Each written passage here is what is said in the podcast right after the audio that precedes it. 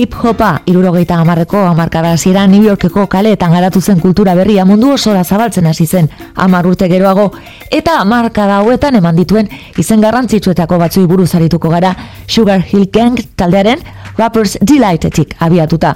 Rap kantarik onenen da bat osatu dugu eta kanta izan zen irurogeita emeretzian arrakasta izan zuen lehenengo abestia. Sampling laginketaren teknika erabiltzen du, sample lagina da ingelesez, eta benetako maixulan baten aurrean gaude. Chic taldearen Good Times kanta kopiatzen dute, baimenik gabe, raperoek betidanik izan duten arazo bat mai gainean jarriz, epaiketa asko galdu izan dituzte, erabilera ilegal horrengatik. to the black, to the white, the red, and the brown, the purple, and yellow. But first, I gotta bang, bang, the boogie to the boogie. Say up, jump the boogie to the bang, bang, boogie. Let's rock. You don't stop, rock the rhythm that'll make your body rock. Well, so far you've heard my voice, but I brought two friends along. And next on the mic is my man Hank. Come on, Hank, sing that song. Check it out, I'm the C-A-S-N, the O-V-A, and the rest is F-L-Y. You see, I go by the code of the doctor of the mix, and these reasons I'll tell you why. You see, I'm six foot one, and I'm tons of fun, and I dress to a T. You see, I got more clothes than Muhammad Ali, and I dress so viciously. I got bodyguards, I got two big guns that definitely ain't the whack. I got a Lincoln Continental and a sunroof Cadillac. So after school, I take a dip in the pool, which is really on the wall. I got a color TV so I can see the Knicks play basketball. Hear me talking about checkbook, credit cards, more money than a sucker could ever spend. But I wouldn't give a sucker or a punk from the rock and not a dime till I made it again. Everybody go, hotel, motel, what you gonna do today? Is I'm gonna get a fly girl, gonna get some spring and drive off in a death OJ. Everybody go, hotel, motel, holiday in. You see, if your girl starts you take her friend. Clap your hands, everybody, if you got what it takes. Cause I'm Curtis Blow, and I want you to know that these are the brakes. Brakes on a bus, brakes on a car, brakes to make you a superstar, brakes to win and brakes to lose. But these here brakes rock your shoes, and these are the brakes. Disko etxe handi batek fitxatu zuen lehenengo raperoa Curtis Blow izan zen. Harlemgoak Mercuryrekin sinatzea lortu zuen. Are gehiago, Lehenengo urrezko diskoa hip-hoparen historian lortu zuen, mila bederatziron da lauro gehian The Breaksekin. Oso ondo ikusten da hemen, raperoek euren improvisazioekin sortzen zuten, festa eta dantza giroa. If your woman steps out with another man And she runs off to them to Japan And the IRS says they want a chat And you can't explain why you claimed your cat And my bell sends you a whopping bill That's the race, with 18 phone calls to Brazil. That's the race, that's the race. And you borrowed money from the mob. That's the race, that's the race. And yesterday you lost your job. That's the race, that's the race. Well, these are the breaks. Break it up, break it up, break it up.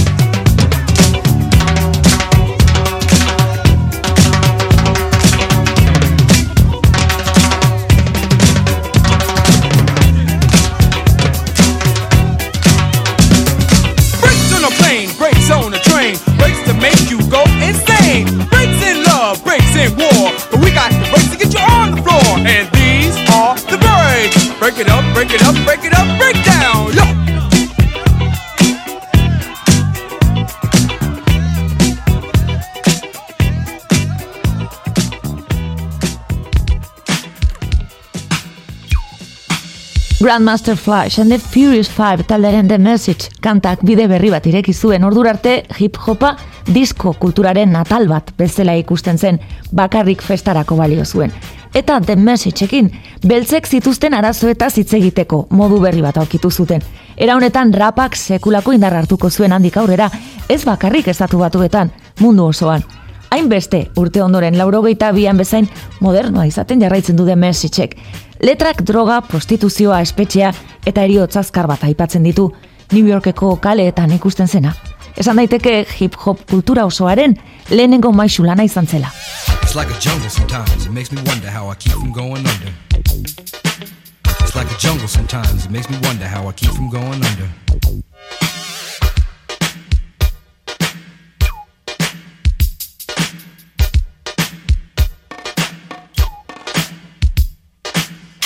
Broken glass everywhere. People pissing on the stage, you know they just don't care. I can't take the smell, can't take the noise. Got no money to move out, I guess I got no choice. Rats in the front room, roaches in the back, junkies in the alley with the baseball bat. I tried to get away, but I couldn't get far, cause a man with a tow truck repossessed my car. Don't push me, cause I'm close to the edge. I'm trying not to lose my head. it's like a jungle sometimes, it makes me wonder how I keep from going under.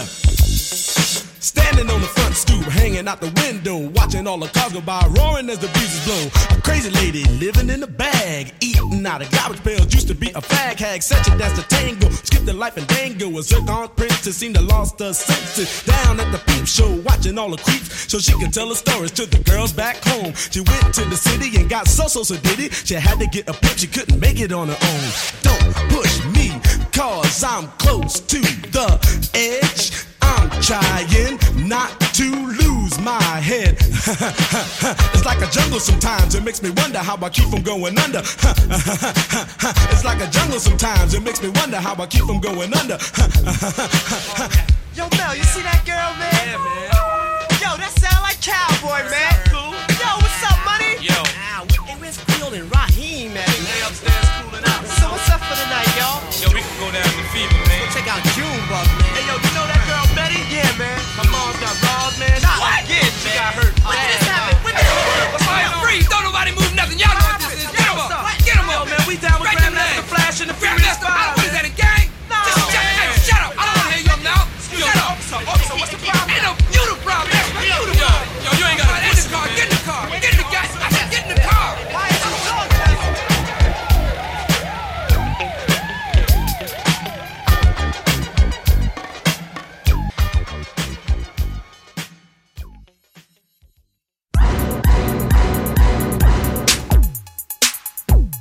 Mila bederatziun eta laurogeita bian beste rap kanta oinarrizko bat ere argitaratu zen Afrika Bambataren Planet Rock. Hip-hoparen eta dantza musikaren ibilbidea aldatu zuela esan genezake. Elektro deituriko musikaren abia puntu izan zen, izan ere, Kraftwerk taldearen sample bat dantza musikara eraman zuten eta ospetsu egin zenean Kraftwerk taldekoek euren partea erreklamatu zuten. Alemaniarrek Planet Rock diskotik saldu zen disko bakoitzeko dolar bat jasoko zuten.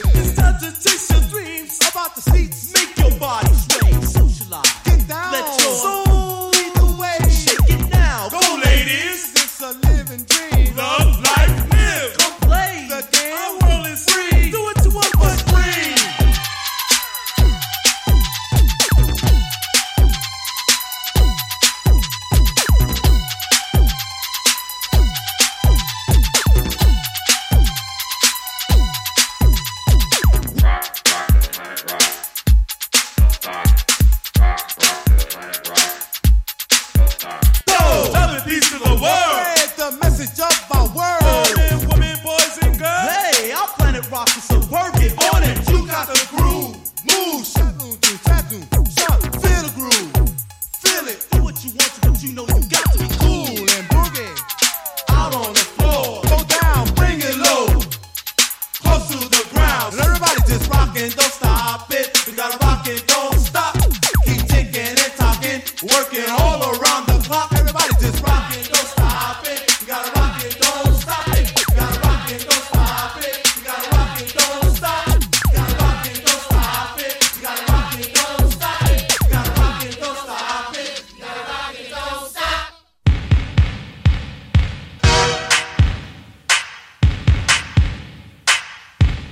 Mila bederatziun eta laurogeita iruan Run GMC taldea sortu zen eta aurrekaririk gabeko kanta bat kaleratu zuten It's Like That. Soilik erritmo kaja baten soinu zeraikia, estilo berri bat ekarri zuen New School deritzona. Eskola zaharrak funk eta disko musika zituen oinarri eta berriak berriz, roka, erritmo kajak eta gitarra elektrikoa bateratzen zituen. Run DMC-ko partaideek estetika aldaketa ere ekarri zuten Adidas txandala eta zapatilak jazten zituzten, sombreroak eta urrezko katelodiak. Eta It's Like That izan zen berrikuntza horien kanta ikonikoa. It's like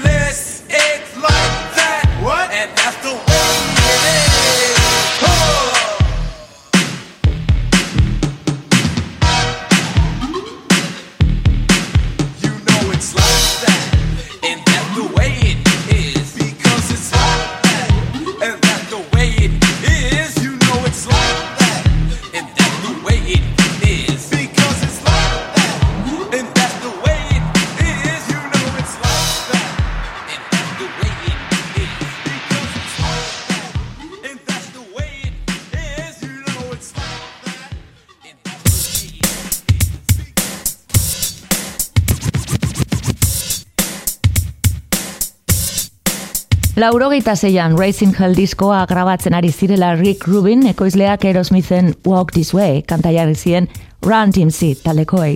Aurrenekoan ez zitzaien gustatu, baina entzunaren poderioz ohitu egin ziren eta cover bat elkarrekin egiten bukatu zuten.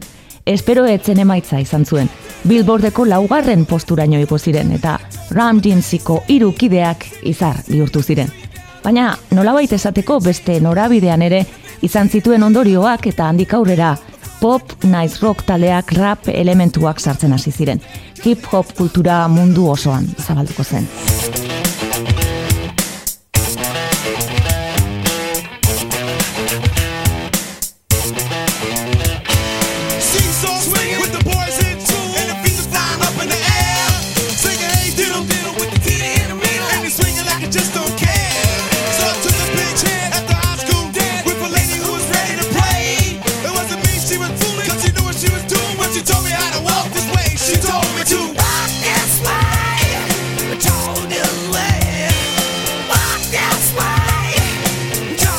slave.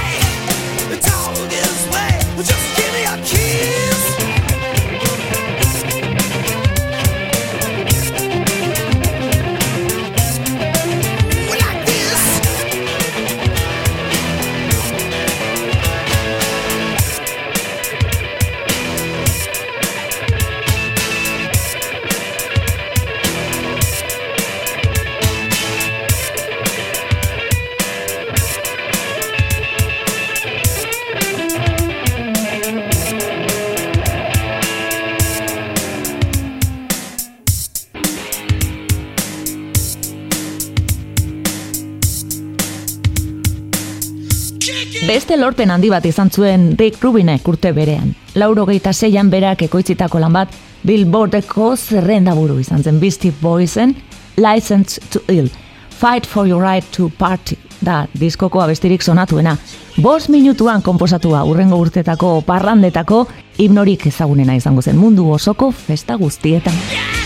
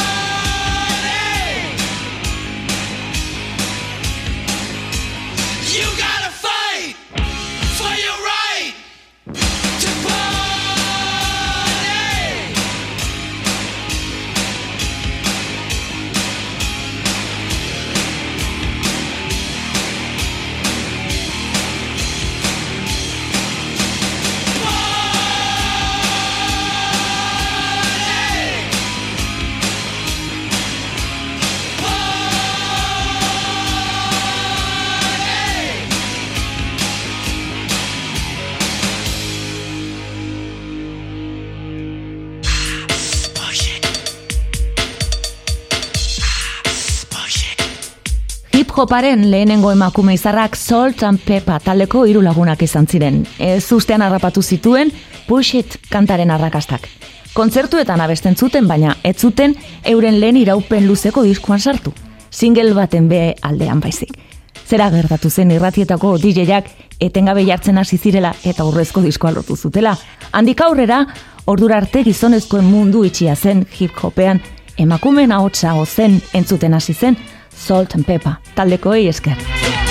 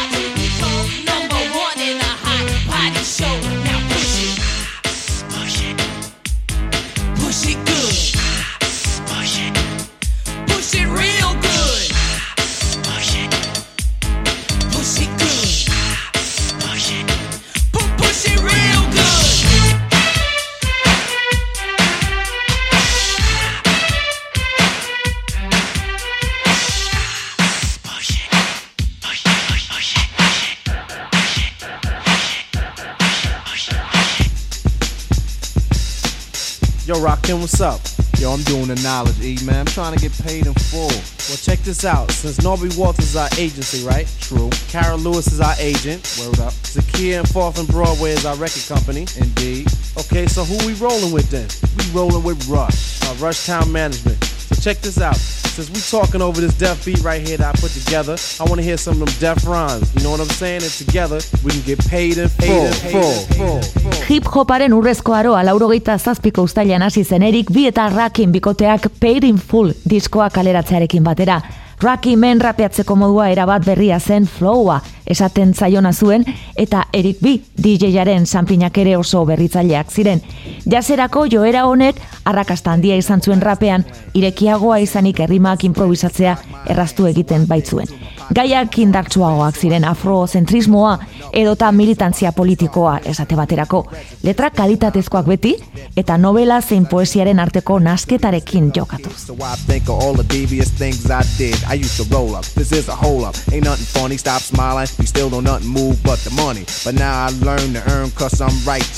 I feel great, so maybe I might just search for a nine to five. If I strive, then maybe I'll stay alive. So I walk up the street, whistling this, feeling out of place, cause man do I miss a pen and a paper, a stereo, a tape, taper. Me and Eric being a nice big plate of fish, which is my favorite dish. But without no money, it's still a wish. Cause I don't like to dream about getting paid, so I dig into the books of the rhymes that I made. So now's a test to see if I got pulled.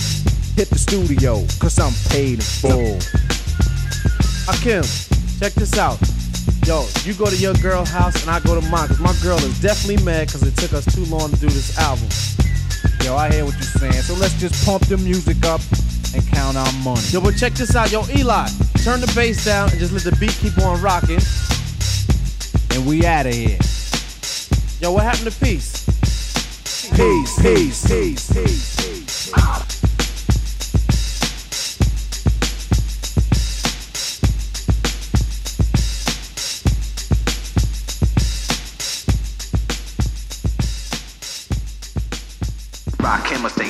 Mila bederatziehun eta laurogeita zortzian Erik B eta Rakin bikoteak Follow the Leader izeneko bigarren diskoan soinua findu egin zuen baixuari presentzia handiago erantziz eta jazz munduko elementuei garrantzia eman ez egokitu zuten.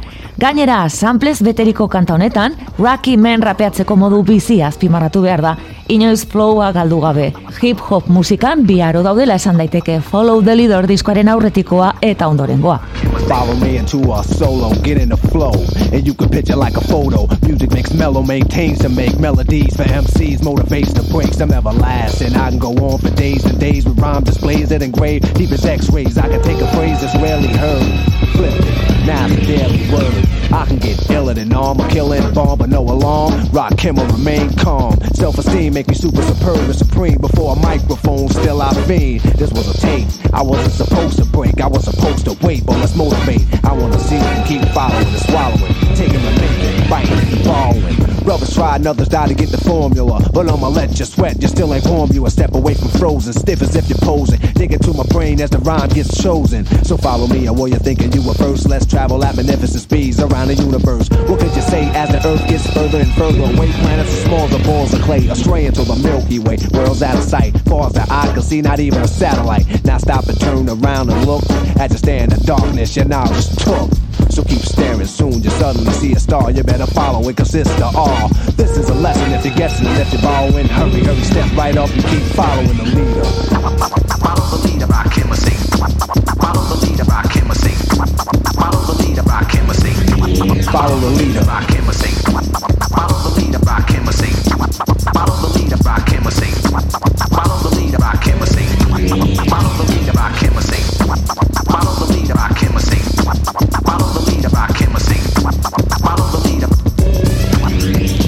follow the leader.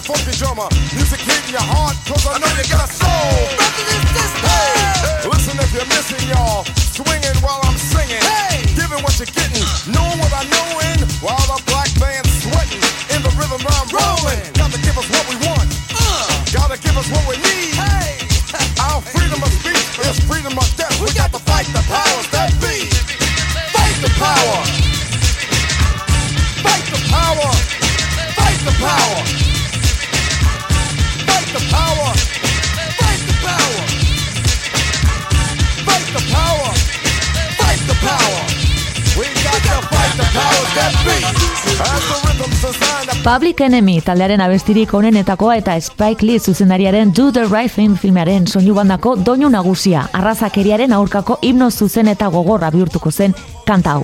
Erritmo indartsu eta errepikakor baten gainean eraikia.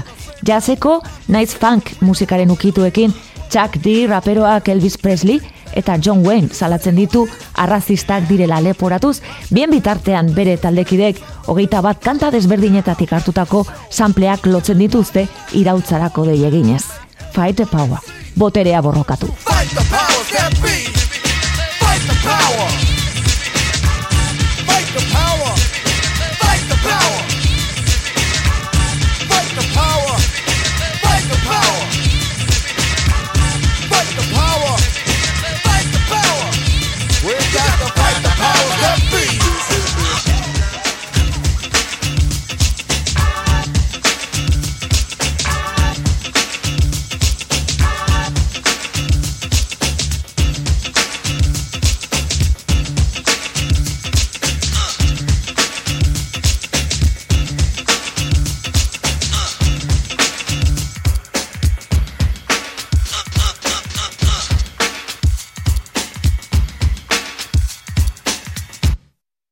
Now about to witness the strength of street knowledge.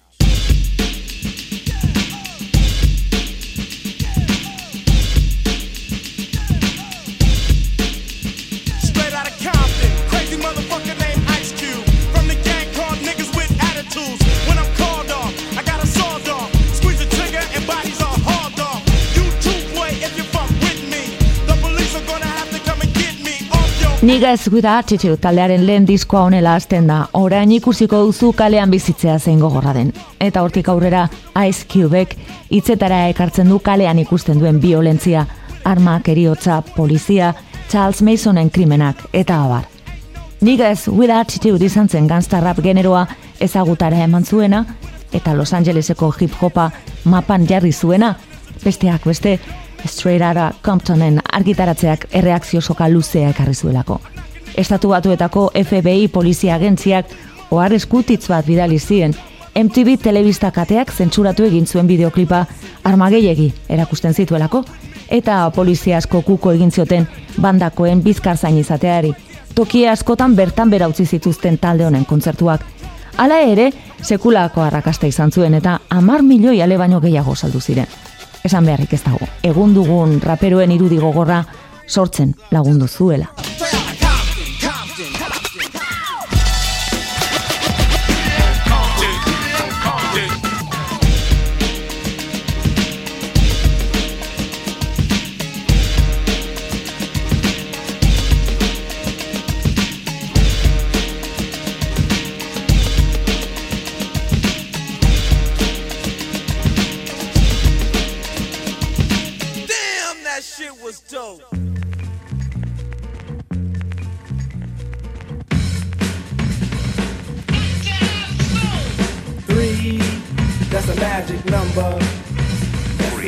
Mendebaldeko kostako rap gogorraren beste muturrean New Yorken erantzun moduan The Native Tongues izeneko kolektiboa sortu zen laurogeita bederatzean. De La Soul irukoa izango zen mugimendu honen buruzagia. Berrikuntzen artean, erabiltzen zituzten sampleak bestera batekoak zirela. baseak souletik, funketik edo tarroko gorretik hartu ordez, Billy Joelen abestietatik, telebistako aurren programen sintonietatik, naiz pop musikatik hartzen zituzten.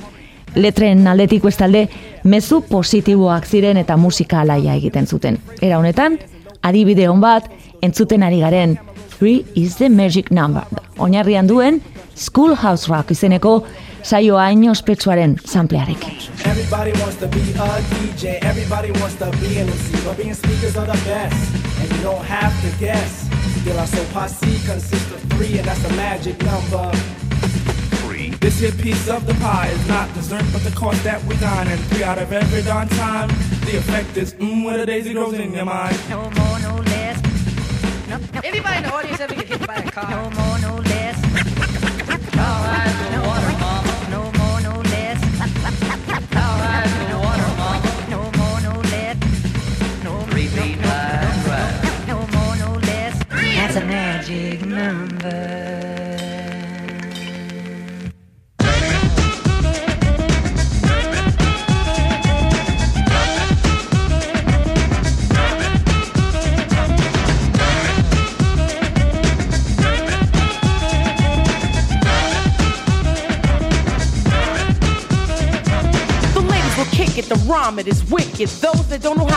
Native Tongues kolektiboak musikalaia eta baikorra egiteaz gain emakumeen eskubideak aldarrikatu zituen.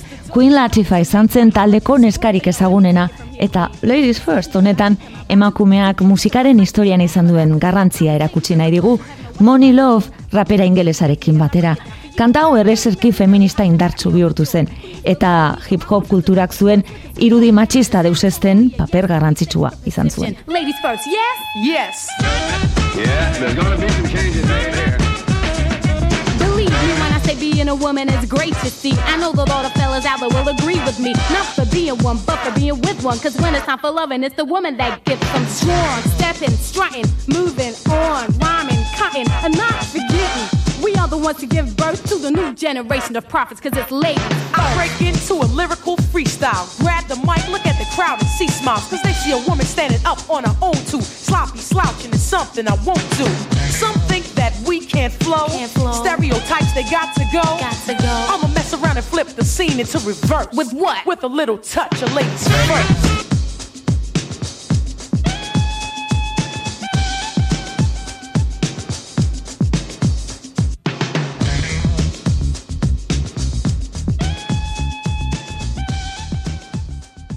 Can't touch this. You can't touch this. You can't touch this. You can't touch this. My, my, my, my music hits me so hard, Mila bederatzerun da laurogeita hamarrean MC Hammer, Kaliforniararen Please Hammer Don't Hurt Them diskoa Billboardeko lehenengo postura igo zen. Segituan munduko rapero ezagunena bihurtu zen, bere bideo koloretsu eta musika itxaskorrari esker. Esan genezake MC Hammer askok ezagutu genuen lehenengo raperoa izan zela. Eta gehien aberastu denetakoa ere bai. Izan ere berrogeita hamar milioi disko baino gehiago saldu zituen. Fresh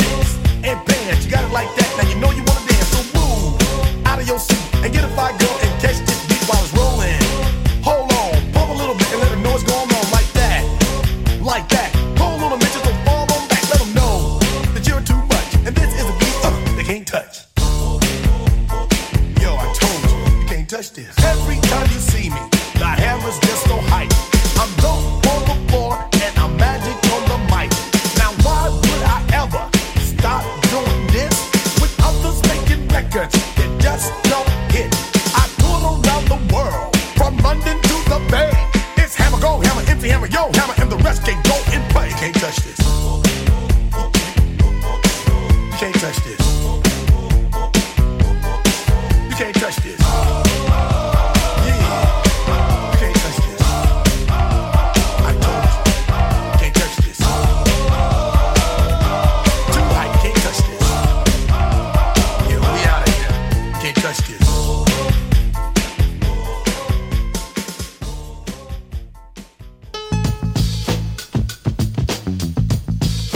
Aurrerantzean, hip-hopak era guztietako eraginak jasoko zituen eta oso aberatsa bihurtuko zen. New Jerseyko Naughty by Nature taldea esaterako neska lagunari iruzur egitea zari da, mila bederatzireun da laurogeita amaikako abesti honetan. Baina zentsura ekiditea lortu zuten, Jackson 5-en ABC kantaren sample alai eta itxaskor bat ezpaliatuta, eta hit garrantzitsua izatea lortu zuten.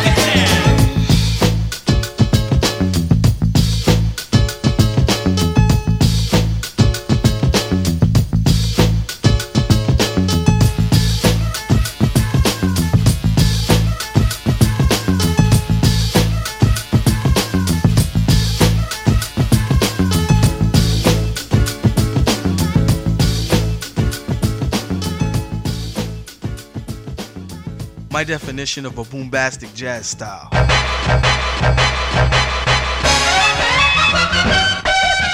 Here we go, are you ready for one other? Dream Warriors noise is new. Kanadako Dream Warriors taldeak ere beste hit handi bat lortu zuen urte berean, laurogeita amaikan Quincy Jonesen Soul Bossa Nova, sampleatuz. Kanadan kanta hau Definition izeneko telebistako lehiaketa oso famatu baten sintonia zen. Beraz, Definition etengabe errepikatuz jendeari oso atsegin egin zitzaion eta Juno saria lortu zuen urteko rap kantarik onenaren definition, my definition, my definition, my definition is this. My definition, my definition, my definition, my definition is this. My definition, my definition is this. My definition. My definition, my definition, my definition is this. My definition, my definition, my definition, my definition is this. My definition, my definition is this. My definition.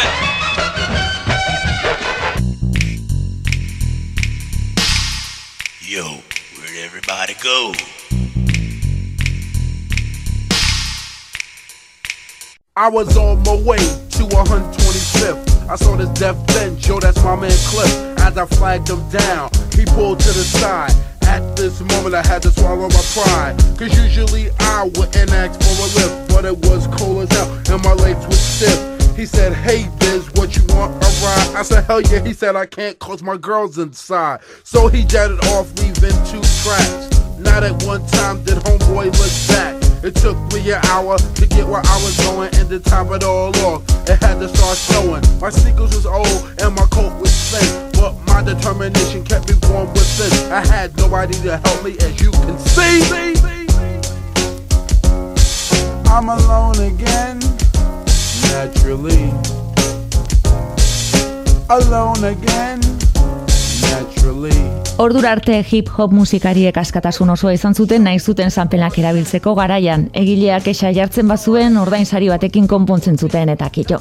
Baina egoera hori entzuten ari garen Biz Markiren Alone Again honekin amaitu zen. Gilbert O'Sullivan ingelesak salatu egin zuen Alone Again Naturally bere gogoz kontra erabiltzeagatik. Epaileak O'Sullivanen alde egin zuen, eta raperoak lapurreta egin zuela, ebatzi zuen, berreunda berrogeita hamar mila dolarreko izuna, eta kanta argitaratzeko debekuarekin zigortu zuen. Eta biz marki kasua gainera, jurisprudentzia ezarri zuen, handik aurrera sample bat erabili nahi zuenak, baimena eskatu beharko zuen.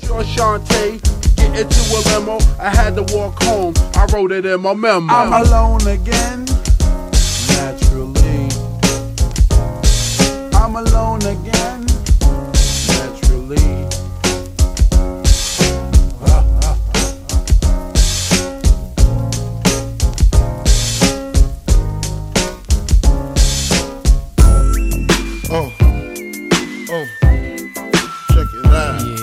Hop munduak ezagutu duen gertakaririk penagarrienetakoa laurogeita hamarreko hamarkadan gertatu zen. New Yorkeko eta Los Angeleseko raperoen arteko enfrentamentuak amaiera tragikoa izan baitzuen. Bi lehendarik handienak Tupac eta Notorious Big tirozera hilak izan ziren. Bien hilketak sei hilabeteko tartean gertatu ziren eta hogeita bost urte ondoren argitu gabe jarraitzen dute. Hamaika dokumental eta liburu argitaratu da, baina bi kasu hauek ikertu zituzten poliziak ere erailak izan ziren, ezin dute hitz egin. Mila bederatzireun da laurogeita amaseko irailean Las Vegasen Tupac tirokatu eta bertan hil zutenean Notorious Big izan zen susmagarri nagusia, baina handik sei hilabetera bera hil zuten modu berean, eta esan bezala, ez da jakin, hiltzaileak zeintzu izan ziren. Uh, my spot cause we both got hot. Now check it. I got more Mac than Craig and in the bed. But T-bone steak, cheese, eggs, and Welch's great. Conversate for a few, cause in a few we gon' do what we came to do. Ain't that right, boo? Forget the telly, we just go to the crib and watch a Keep banging. Throw your hands in the air if you's a true player. To the honeys getting money, playing niggas like dummies. Uh. I love it when you call me Big Pop. You got a gun up in your waist, please don't shoot up the place. Cause I see some ladies tonight that should be having my baby. Baby. Uh. Check it out. Now full shit for that ass. Uh. Puff Daddy. Biggie Smalls. Junior Mafia. Represent, baby, baby. Uh.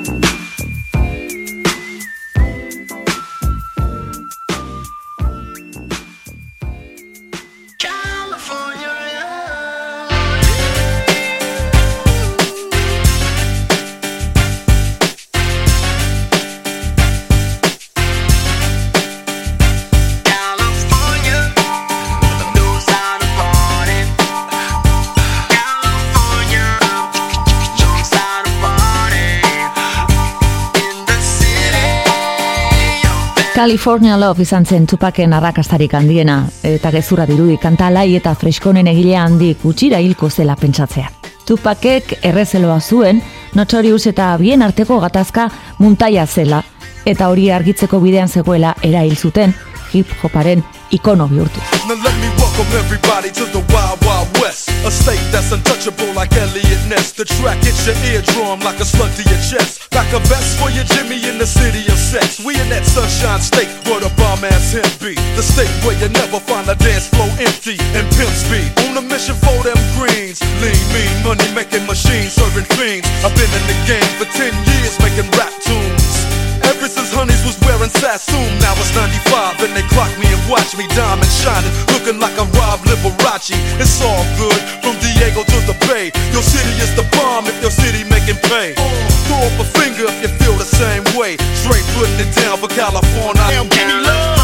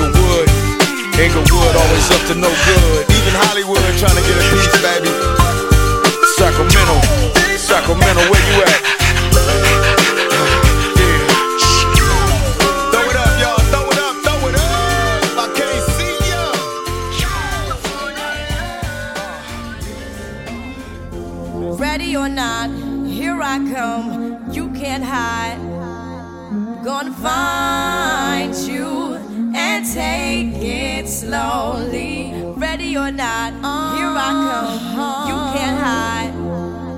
Gonna find you and make you Yeah. want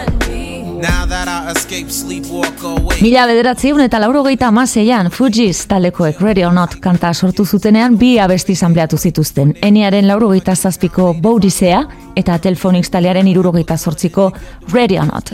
Ikusten denez Fugees taldekoak ez ziren konturatu, sampleak erabiltzeak ze arazo ekarri zitzaken eta Eniari ez zioten baimenik eskatu. Hala ere azken momentuan Irlandarrak baiezkoa eman zuen Gangsta Rap talde bat etzela jakin zuenean. Ready or Not laurogeita amarreko amarkadako kantarik arrakastatxuenetakoa izan zen. Lauren Hill moduko rapa beslari bati, bakarkako karrera ezin arrakastatxoa goren ateak irikiz. Zortzi grami irabaztera iritsi zen bakarlari modura. Ready or not,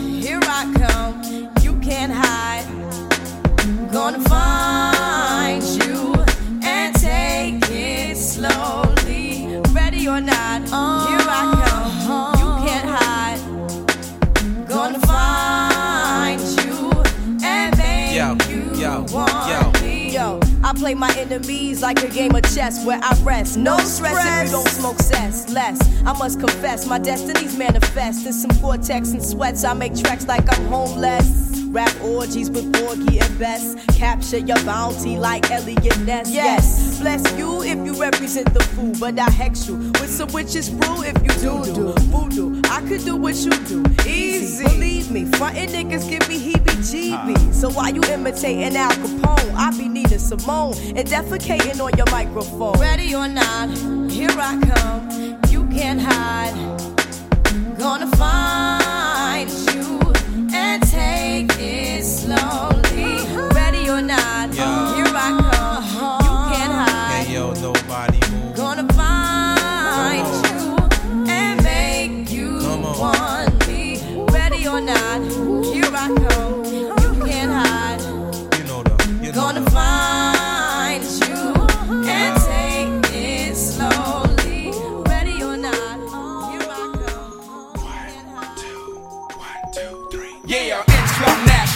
Underground Thunderbounds when I stop the ground. Like a million elephants, a silverback orangutan You can't stop a train, who wants some, don't come unprepared I'll be there, but when I leave there, better be a household name. Weatherman telling us it ain't gonna rain. So now we sitting in a drop top soaking wet. In a silk suit, try not to sweat. Hit somersaults without the net. But this be the year that we won't forget. One nine nine nine. Anything goes Be what you wanna be, long as you know consequences. Are given for living the fences. Too high to jump in jail, too low to dig, I might just touch hell. Hot, get a life, now they on sale Then I might catch you a spell. Look at what came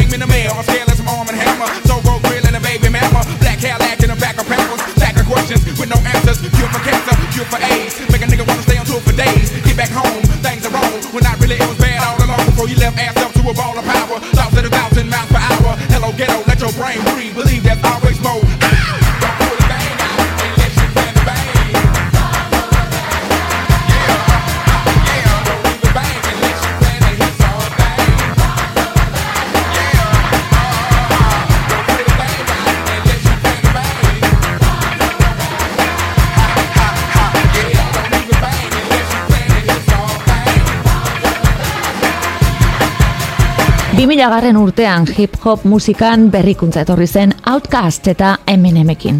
Outkast bikotea egoaldetik zetorren Atlantatik eta indarri zugarria zuten diskoetan eta kontzertuetan. Abia da batean rapeatzen zuten eta politikoki oso indartsuak ziren gainera. B.O.B. edo Bombs of Baghdad honetan adibidez, Ameriketako estatu batuen etorkizuna aurre ikusi zuten. Eta hip-hop musika, hogeita bat garren mendean sartu zutela esan genezake.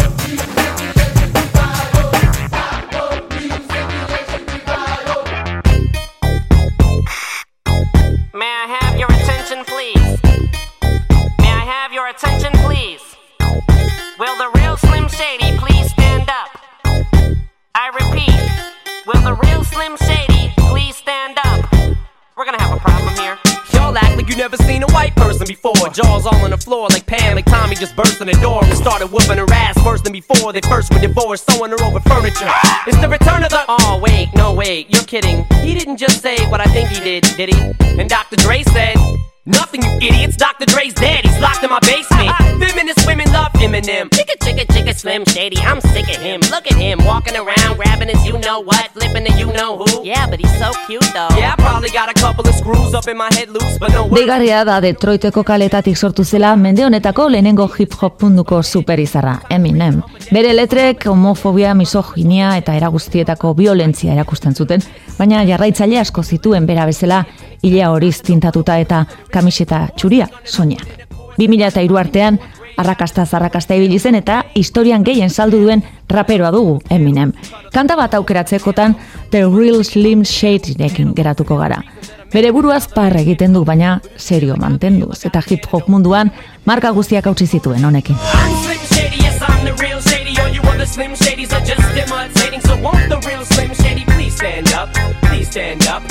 Stand up. Cause I'm Slim Shady, yes, I'm the real Shady. All you other Slim Shadys are just imitating. So won't the real Slim Shady please stand up? Please stand up, please stand up. Cause I'm Slim Shady, yes, I'm the real Shady. All you other Slim Shadys are just imitating. So won't the real Slim Shady please stand up? Please stand up, please stand up. Cause I'm Slim Shady, yes, I'm the real Shady. All you other Slim Shadys are just imitating. So won't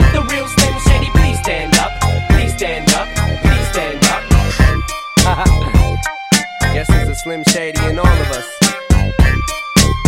Fuck it. Let's all stand up.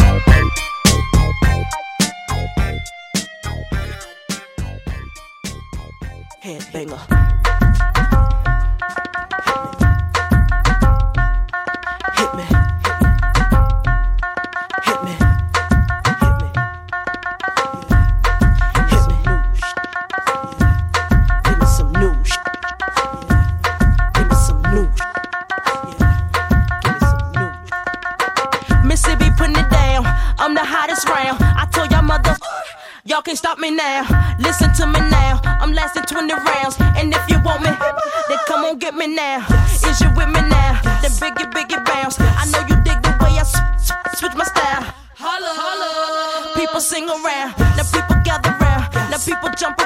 Hip-hoparen hogeita batgarren mendeko lehen emakumezko ikonoa Missy Elliott izan zen 2000 batean Get You Freak On deituriko abestiarekin Indiako bangara musika sartzen du rap munduan. Ondo pasatzea aldarrikatzen du denaren gainetik, provokazioa hori bai aztu gabe inoiz. Kantaren erdian, txistua botatzen dio norbaiti aurpegira, baina etzen arazoa izan kanta hau, Billboardeko zazpigarren posturaino iristeko. Spit it out. In your face. Open your mouth. Give you a taste. Holla. Ain't no stopping me. Copy written, so don't copy me. Y'all do it sloppily. And y'all can't come close to me. I know you feel me now. I know you hear me loud. I scream it loud and proud. Missy gon' blow it down. People gon' play me now. In and out of town. Cause I'm the best around. With the crazy style.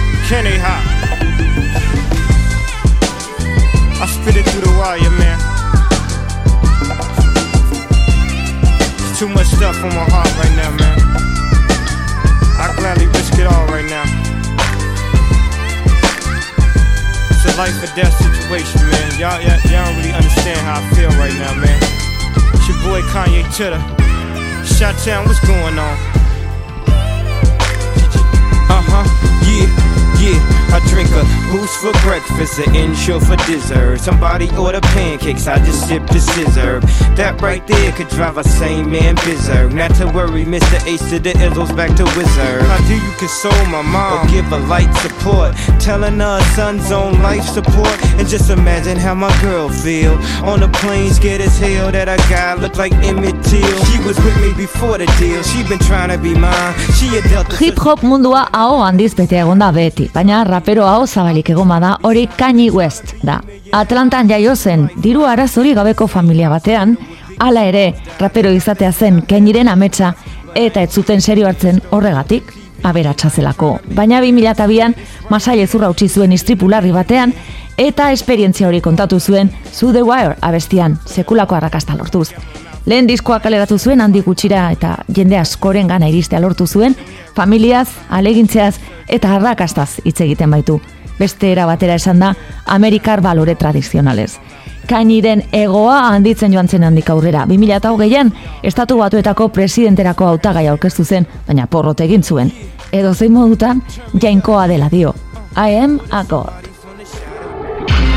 I am a god.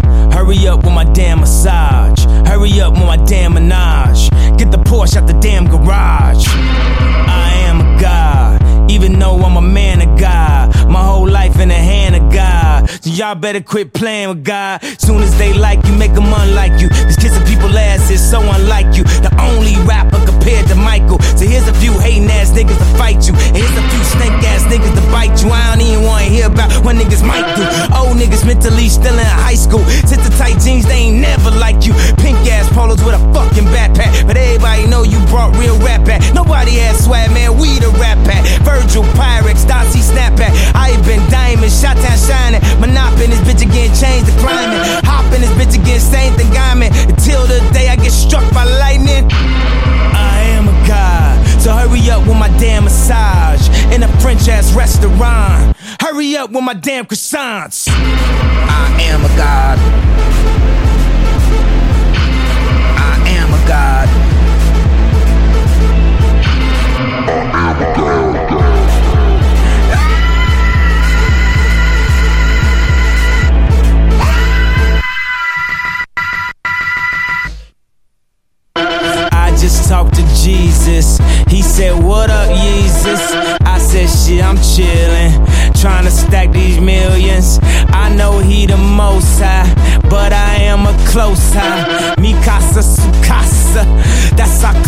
no stop.